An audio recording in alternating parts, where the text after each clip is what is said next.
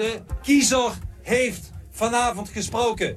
De kiezer heeft gezegd, we zijn het zat. We zijn het spuugzat en wij willen. En daar gaan wij... Du kender ham fra forslag om en Nexit-afstemning om EU, et totalt stop for asylansøgere, ikke flere vindmøller eller solceller, og så selvfølgelig hans karakteristiske gråhvide høje hår. Den højre radikale politiker Gert Wilders overraskede alle ved at få over en tredjedel af stemmerne ved onsdagens valg i Holland. Bliv hængende for at finde ud af, hvorfor Gert Wilders alligevel ikke bliver premierminister i Holland, og hvor mange af den slags EU-skeptiske valgresultater rundt om i Europa, som EU kan holde til. Du lytter til Konfliktzonen. Mit navn er Oliver Bernsen.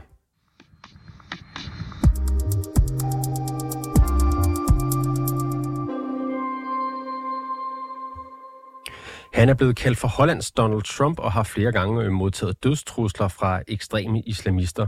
Og nu står han til at kunne være øh, kongemager efter det hollandske hold, øh, undskyld, hollandske valg. Ditte Brasso, chefanalytiker hos Tænketanken Europa. Velkommen til programmet. Tak skal du have.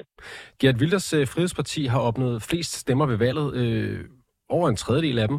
Alligevel så tror du, det er meget usandsynligt, at Gert Wilders han bliver premierminister i Holland. Hvorfor det? Jamen altså, nu har valget jo vist, at man skal være lidt påpasselig med sådan at øh, gætte alt for skråsikkert på, på Hollands politik, men, øh, men, men, men det hører med til historien, at, at det er vildt, at selvfølgelig har serveretten nu på at danne en regering, fordi han har øh, det parti, der har fået øh, flest stemmer, men, men det er en enorm kompleks opgave, han står overfor. Øh, altså han er, som jeg, du også selv sagde, ikke? Altså, han er en kontroversiel figur, både i hollandsk politik, men også i europæisk politik. Øhm, og selvom flere af de borgerlige regeringer, han kunne komme til at samarbejde med, de inden valget sådan holdt døren en lille smule på klem og sagde, at det kan godt være, at der kunne være et muligt øh, fremtidigt samarbejde med, øh, med Frihedspartiet. Øhm, så tror jeg ikke, at man i det skal læse, at de sådan havde håbet på, at Gerd Wilders blev øh, premierminister. Og, øh, og det, kan man sige, det strategiske koalitionsarbejde, han står over for, er svært, fordi de tre store partier, han så det ene, så Mark Ryttes gamle parti det andet, og så det, det tredje er sådan et nyt centerparti, der hedder den nye sociale kontrakt. De spiller nu sådan et taktisk spil, hvor Mark Ryttes parti har meldt ud, at de vil ikke sidde i regeringen, de måske gerne støtte den, og den nye sociale kontrakt har gået på valg på en platform, der meget handlede om politisk ordentlighed, og altså, kan man sige, sådan en, en dyder, der ligger øh, længere væk fra det, man vil forbinde med, med Gert Wilders. Så det, det er blot for at sige, at den opgave, han står overfor, er, en, er enormt stor og meget, meget, meget svær. Hvordan er vi nået dertil, hvor Gert Wilders parti har opnået så godt et valgresultat? Det er et godt spørgsmål. Øhm, jeg tror, at han taler ind, eller hans parti, at det, han står for, taler ind i sådan to øh, bekymringer. På samme tid. Ikke? Og den ene bekymring, eller det, det her med, at folk har mistet tiltroen til, at den her centrisme, de her store, brede midterkoalitioner, som man har set under, eller set i hollandsk politik i de sidste 10 år, særligt her under Mark Rytte, at de, øhm, at, de ikke, at man ligesom mister tiltroen til, at de leverer, eller at de er den rette løsning. Det, det er det ene, ikke? Det er sådan en form for brud med den øh, konsensuskultur, der i høj grad har præget hollandsk øh, politik. Og så på den anden side, så tror jeg, at øh, han taler ind i en bekymring for stigende migration, og hvad det betyder for Holland. Altså migration og flygtninge er noget, der har fyldt rigtig meget i øh, den hollandske valgkamp. Øhm, og det er blevet koblet til en række andre dagsordner, altså boligmarked, øh, økonomi øhm, osv. Og der kan man sige, at Gert Wilders er, at der har nogle meget kontroversielle forslag på, på migration, og særlig meget islamkritisk.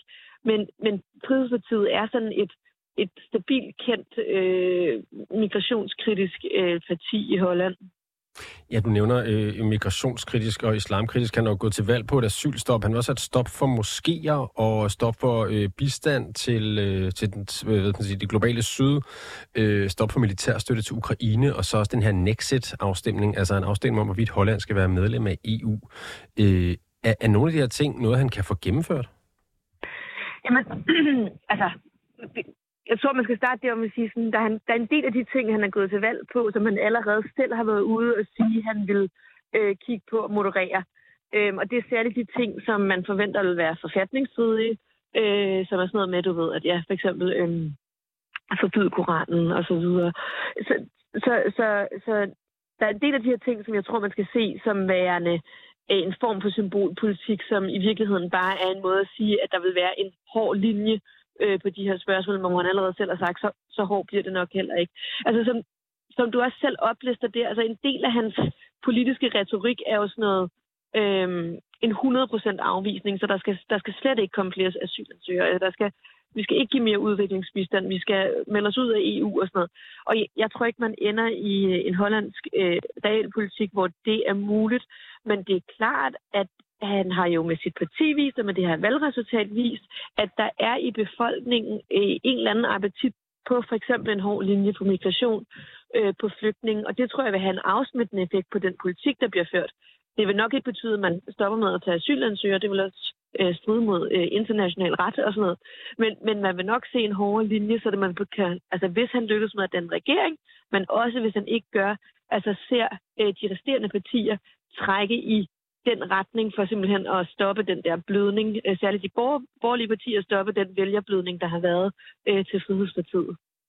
Hører jeg dig sætte lidt spørgsmålstegn ved, hvor diplomatisk Gert Wilders er, når han siger, at han vil moderere ting, som han alligevel ikke vil kunne få gennemført, fordi det er forfatningsstridigt? Jamen, det er jo fordi, jeg grundlæggende set mener, at man må gå ud fra et demokrati, at de partier, der går til valg, medmindre de går til valg på en forfatningsændring, går til valg på et idékatalog og nogle løsninger, der ligger inden for forfatningen. Og det, som Wilders øh, har peget på selv efter valget, det er, at nogle af hans øh, idéer, nogle af de ting, han øh, har sagt, han vil gennemføre, nok faktisk ville være uden for øh, den hollandske forfatning. Og det er jo i sig selv en lidt aparte situation, at, man, øh, at det er det, et parti går til valg på i demokrati. Hvis nu I så vender det om, du siger, det er usandsynligt, eller det, det ser ikke ud som om, at, øh, at Gert Wilders han bliver premierminister. Hvis man vender det om og siger, hvad skal der så til for, at det sker? Jamen, altså hans bedste kort på hånden nu er jo at øh, forsøge at skabe en borgerlig, øh, hvad hedder det, en, en borgerlig koalition øh, med Mark Ryttes øh, gamle parti, og så øh, Peter Omsigts parti, det her den nye sociale kontrakt, det nye centerparti. Det, det tror jeg vil være hans bedste kort på hånden, og nok også det, han vil gøre øh, alt for. Man skal huske, øh, Winters er jo, øh, han har jo været øh, øh hvad hedder det, i Hollands politik utrolig længe, uden at have de store regeringsresultater bag sig. Øh, så så det, han ser jo nok også det her som hans ene mulighed for ligesom at Øh, hvad hedder det, at få, få etableret det her aftryk, at han faktisk kan lave en regering osv. Så, så, så jeg tror, han vil arbejde for en borgerlig regering, enten med, øh, med, med ham i front, eller med ham, øh, som haven en anden rolle i den regering. Og hvordan forestiller du dig, den, eller hvad har du bud på, hvordan den koalitions, koalitionsdannelse kommer til at se ud i det nærmeste stykke tid? det tror jeg er det, det tror jeg er for tidligt at, at spå om. Øhm, lige nu tror jeg, man ser kommer til at se nogle taktiske udmeldinger fra de forskellige partier, som vi allerede øh, har set det fra det liberale parti, hvor de ligesom indikerer, hvor de kunne se sig selv stå henne i den her proces. Og det tror jeg kommer til at tage noget tid. Man skal også huske, at regeringskoalitionsdannelse i Holland er en, Øh, det plejer at være sådan lidt en langstrakt affære. Ja, det kan, det kan godt tage op mod 100 dage i, i snit, sådan en øh, regeringsdans i Holland. Øhm, hvis, hvis, vi, øh, hvis vi zoomer lidt ud, eller, eller, eller ser lidt mere op fra, så har du, du nævner, at vi, man i Holland har set de her store, brede, øh, centriste koalitioner i, i lang tid. Og nu har man så haft et valgresultat, hvor en person som Gert Wilders fra den, øh, fra den yderste højrefløj kommer bravende ind med 37 procent af stemmerne. Hvor efterlader det her valg Holland? Jamen, det, jeg tror, at alle, der sidder i Hollands politik nu, må ligesom øh, kigge indad og tænke over omkring den her øh, koalitionsdannelse, man har haft hen over midten i så mange år, eller man kan sige i virkeligheden det, at man i så mange år har ført, den, øh, ført politik efter den samme model, at det måske øh, ikke... Øh, det, man ser ved det her valg, det er, at det kan så have sådan nogle... Men, men ideen med den her centrisme er jo, at det er sådan en stabilitetsskabende øh, politik. Og det, man har så set med det her valg, det er jo, at når modreaktionen så kommer, eller som vi har set det i Holland, så kan det skabe, øh, at man skal ud og kigge en helt ny model, og, man skal, og, det, og det, er, det er svært at have noget at gøre inden for den gængse tankegang. Og det tror jeg, der er grund for refleksion hos mange hollandske politikere. Ja, fordi at øh, selve det med, at man har haft den her centrisme, det har skubbet folk ud, ud på fløjen, eller hvad? Ja, det er jo det, man, det er jo i hvert fald det spørgsmål, man må stille sig selv med Gert Wilders valg, øhm, om, om en del af den popularitet, altså en del af de vælgere, der har valgt at stemme på ham, også har valgt at stemme på ham, bare fordi, hvis man må sige det på den måde, at han er et alternativ. Altså man har jo set noget lignende, øhm, for eksempel ved valget i Italien, hvor øh, Draghi havde denne her øh, regnbue-koalition, øh, kaldte man det, hvor alle partierne, undtagen det italienske broderskab, sad i den her koalition. Og da man så kom til valget, så var der øh, kun muligt, det var kun muligt at stemme på det italienske broderskab, hvis man ville stemme imod Draghi-koalitionen. Ikke? Og det er jo også det, som mange peger på. Det har nok haft øh, det har været noget af forklaringen på, hvorfor det italienske broderskab dengang fik så øh, godt et valgresultat. Så, så Gert Wilders har været det eneste rigtige alternativ til en, en stor klump af partier inde på midten? Jamen, man kan sige lige præcis, i hollandsk politik, der er øh, partibilledet så fragmenteret, der er så mange partier, så det vil ikke være rigtigt at sige, at Wilders var det eneste alternativ uden for, øh, for centerklumpen.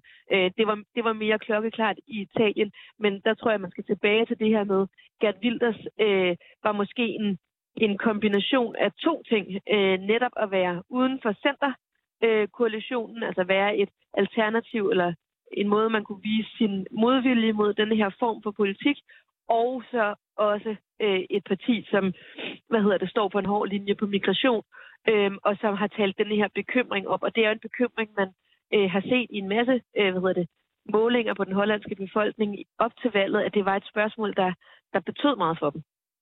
Og øh, lige til sidst, så vil jeg øh, prøve, som jeg kan øh, tvinge dig lidt til at kigge i krystalkuglen, Ditte Brasser. Du nævnte selv, at det, det tager tid at lave, et, øh, at lave en regering i Holland.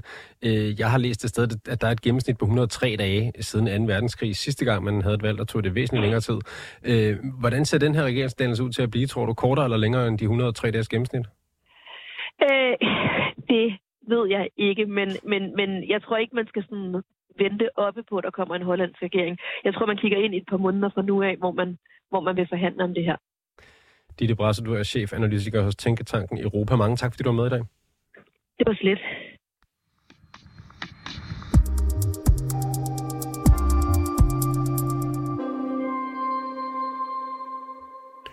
Marlene Vind, velkommen til programmet. Tak skal du have. Du er professor og centerleder ved Center for Europæisk Politik på Københavns Universitet. Hvad kommer det hollandske valgresultat til at betyde for Europa? Ja, det øh, spørger alle sig selv om lige nu. Øh, og, og jeg tror, jeg tror rigtig mange er, er stadigvæk i sådan en, en, en blanding af chok og forbløffelse egentlig, fordi øh, selv øh, Øh, Wilders øh, var jo meget overrasket over, at han har været med i gamet i så mange år, øh, og, og rigtig mange, gennem rigtig mange valg har, har internationale medier råbt, ulven kommer, og nu øh, øh, vil han slå øh, igennem for alvor. Så han havde nærmest selv opgivet, at, at det skulle ske. Øh, men nu hvor det så er sket, og han har fået det her meget, meget flotte valg, øh, jamen så er bekymringen, tror jeg, i Bruxelles først og fremmest Ukraine, og hvad der kommer til at ske med støtten til Ukraine. For jeg tror ikke, øh, det er i hvert fald, hvad, hvad jeg kan læse mig frem til, og når jeg taler med kilder i Bruxelles, øh, jamen så er det ikke så meget, at man går af bange for, at øh, øh, Holland vil melde sig ud af EU. Det er jo også en, et af hans programpunkter, kan man sige. Øh, det er der ikke øh, opbakning til i Holland overhovedet, øh, og, og øh, slet ikke blandt nogle af de potentielle partier, han eventuelt vil kunne øh, arbejde sammen med i en regering. Men det, man er bange for, det er, at nu kommer der altså en ny øh, hvad skal man sige, øh, ukraineskeptikere ind, øh, som vil kunne sætte en øh, kæppe hjulet på øh, det, man har, i gang, har gang i med, med, med at, at udvide øh, med EU, med Ukraine blandt andet, øh, men også øh, fortsat støtte her nu til øh, Ukraine, altså økonomisk støtte. Så det er virkelig det, der er allerøverst på dagsordenen i Bruxelles. Mm, okay. Du vil lige øh, vende tilbage til det, Emily, jeg vil bare lige høre dig. Det bekymrer ikke EU, at der er 37 procent af hollænderne, som har stemt på en person, der gerne vil have Holland ud af EU? Nej, det gør det faktisk okay. ikke. Øh, der er jo, øh, skal man så omvendt sige, øh, øh, øh tilsvarende kæmpe stort flertal af hollændere, der, der, der gerne vil blive i EU. Øh, altså, der går det lidt op og ned. Øh, selvfølgelig er det klart, at at, øh, at, at, at mange er, er noget øh, overrasket over, øh, at, at det pludselig skulle stå sådan til i, i Holland. Men der er jo rigtig, rigtig mange, hvis man går ned i tallene, grunde til, at folk har stemt på Wilders. Det er mm. rigtig meget migration. Det handler ikke øh, øh, primært om, om EU faktisk. Øhm, så, så, så, så det er ikke sådan, man sidder og ryster i bukserne og tænker, hold op, nu får vi endnu et, øh, et Brexit, et Nexit, som, øh, som det hedder. Det er ikke der, bekymringen ligger. Ja, okay. Øhm, du nævner også her den strenge, øh, strenge linje over for, for migration, eller stramme migrationspolitik. Hvis vi kan udlede noget om... Øhm, øh, om europæernes syn på fremtiden til Europa af det her hollandske valgresultat, hvad kunne det så være? Jamen, jeg tror da, at øh, det kommer til at betyde, at øh, man, øh, og det er jo allerede på vej, altså der er jo meget større og bredere konsensus i dag i hele EU-kredsen om, at øh, EU skal styrke sine ydre grænser. Så der kan man sige, der har, der har Wilders jo været frontrunner. Øh, han har været en af dem, der har sagt det først i mange, mange år. Øh, så Øh, så, så det er, han vil skubbe på, øh, og, og valget, øh, hans succesfulde valg i, i Holland vil skubbe på en, øh, en yderligere, hvad skal man sige, øh, øh, fælles politik på det område, altså øh, at man øh, vil, vil, vil arbejde tættere sammen. Øh, man har jo den her asylpagt, som man ikke har kunnet blive enige om indtil nu, øh, og det er ikke fordi, man ikke er enige om, øh, hvad formålet er, nemlig at man gerne selv vil vælge, hvem man vil have ind i Europa, øh, og man vil stoppe illegal indvandring. Det, man er uenig om, det er mere det her med, øh, hvis der er pres på grænsen, øh, hvem skal så tage sig af det? Hvem skal der fordeles øh, asylansøgere mellem landene eller ej? Det er mere det byrdefordelingsspørgsmål. Øh, hvem skal betale regningen? Osv. osv. Det er ikke det overordnede mål, nemlig at... Øh, og det er selvfølgelig en lang proces, EU-landene har været igennem her, øh, men, men en, et overordnet mål om, at man, at man øh, simpelthen skal, skal være mere øh, selektiv øh, og selv vælge, øh, hvem man gerne vil have ind på, på kontinentet. Så det er sådan et Fort Europa, øh, der er bred øh, konsensus om efterhånden øh, i øh, mange europæiske lande. Så, så det er sådan set ikke det, Øh, men, men det er selvfølgelig udmyndningen af det, der slet, slet ikke er på plads endnu. Øh, og, og, og som der synlighed, i hvert fald i Holland, er meget stor opbakning til at gå videre med. Og en ting, øh, det er jo så samarbejdet med EU, men noget andet, som du har været lidt inde på, i hvert fald i forbindelse med Ukrainekrigen, som du nævner, øh, det er øh, Wilders øh, og hans forhold til Rusland, og ikke mindst til Putin, øh, som der bliver spekuleret en del i. Den russiske tv-kanal Sargrad har ligefrem beskrevet Wilders som, citat, tilhænger af Rusland, citat slut. Mm. Øh, hvor bekymret skal vi være på netop det punkt? Uha. Øh, jeg vil da sige, at hans øh, holdning til Ukraine og fortsat øh, hjælp til Ukraine, både økonomisk og våbenhjælp, det, det er jo en indikation på øh, et eller andet sted, uanset hvordan man vender og drejer det, om han er... Øh, om han er med, med Vesten og Europa og USA øh, i, i, i det spørgsmål, eller om han øh, mere støtter, støtter øh, Rusland, sådan som Viktor Orbán jo også øh, gør. Øh, så endnu en spiller af, af den slags øh, i, i EU. Øh, i EU-kabalen, det, det er klart, det bekymrer rigtig mange. Så, så det er jo øh, det er jo i hvert fald de signaler, han har sendt gennem årene, og han har været meget Putin-venlig. Øh, hvad der kommer til at ske nu, der er jo en meget stor forskel på, når et, øh, et protestparti står på, på, øh, på fløjen og råber, mm. øh, og så pludselig kommer ind i regeringskontorene. Så, så øh, vi er jo alle sammen meget, øh, meget, meget spændte på, hvad, hvad, hvad det så ender med, når han eventuelt måske kommer til at gå i koalition med nogle andre partier. Hvad politikken så bliver der. Øh, men jeg tror godt, vi kan se ind i, at det bliver noget med at smække pengekassen i i højere grad og spare og penge, pengene tilbage til hollænderne og, og øh, færre penge til Ukraine. Altså den, den øh, hvis det bliver Wilders, der kommer til at gå i regeringen, vi ved det stadig ikke, øh, om det ender med det, øh, jamen så tror jeg godt, vi kan se ind i en øh, meget mere sådan påholdende øh, hvad skal man sige, øh, hollandsk regering, end, end det vi har set under Mark Rutte. Og hvis vi så hopper op på den helt store klinge, øh, øh, hvor mange af den slags øh, europæiske valgresultater, øh, som vi har set i Holland, men også i Italien for eksempel, kan EU som organisation holde til?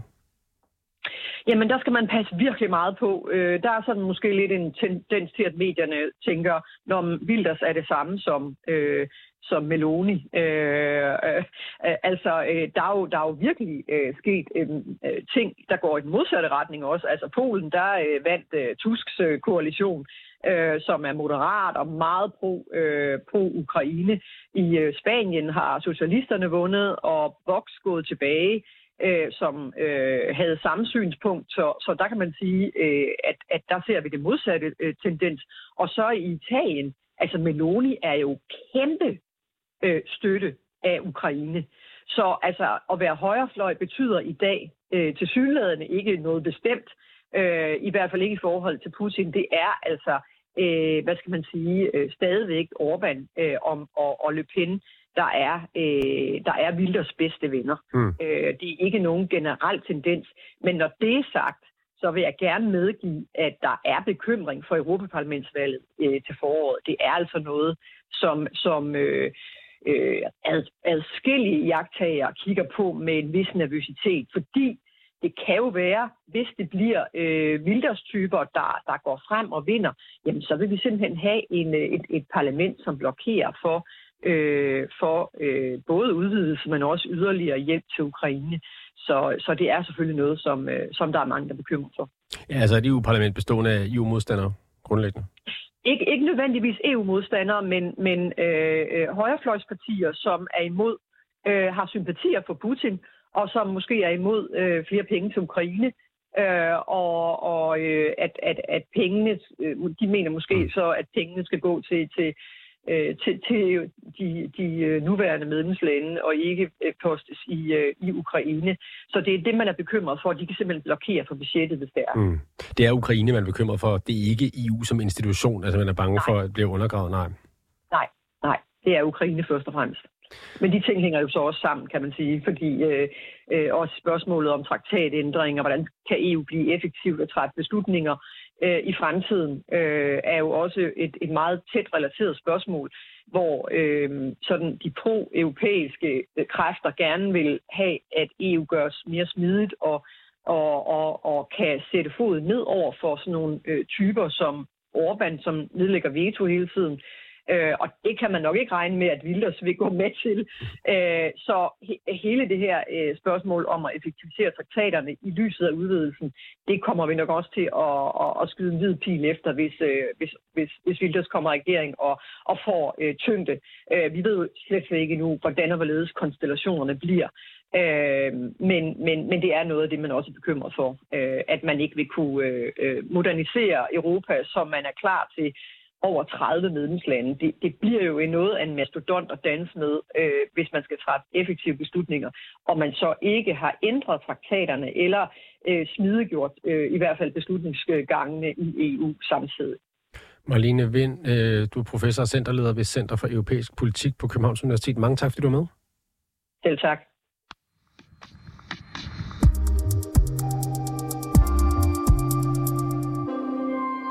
Du har lyttet til dagens afsnit af Konfliktzonen 24-7's udenrigsmagasin. Mit navn er Oliver Bernsen, og redaktør Sofie Ørts producerede også i dagens anledning. Du kan lytte til programmet direkte mandag til torsdag fra 8 til 8.30, men du kan selvfølgelig også finde programmet som podcast.